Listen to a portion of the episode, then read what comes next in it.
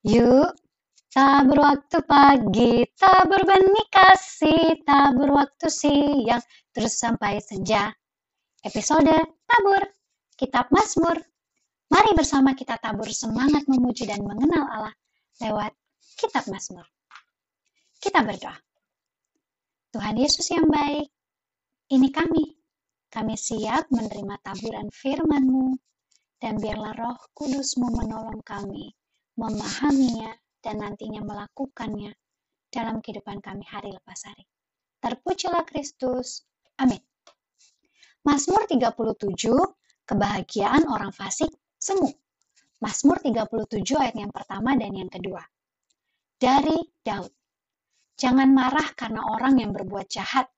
Jangan iri hati kepada orang yang berbuat curang sebab mereka segera lisut seperti rumput dan layu seperti tumbuh-tumbuhan hijau. Memilih menjadi orang benar yang percaya pada Allah berarti tidak hanya berjuang dalam diri, tetapi juga siap dengan kenyataan-kenyataan yang tidak menyenangkan. Salah satunya adalah melihat bahwa orang fasik berhasil hidupnya. Lihat teman nyontek dan nilai bagus. Lihat orang lain ngomongin orang, eh temennya makin banyak. Dengar teman gak mau kerja, tapi namanya tetap masuk dalam tugas kelompok. Hmm, rasanya mak news. Pemasmur mengingatkan kita untuk tidak marah dan iri hati. Dua hal ini bisa membuat kita jatuh dalam dosa dan menjadi fasik juga. Dua hal yang menunjukkan bahwa kenyataan itu tidak adil dan wajar dong kalau mau menunjukkan sikap marah dan iri.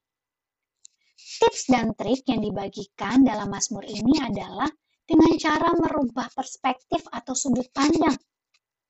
Kalau yang kita lihat adalah hanya dari hal yang didapatkan, keberhasilan-keberhasilannya, kesenangan-kesenangannya, maka jelas akan ada marah dan iri hati.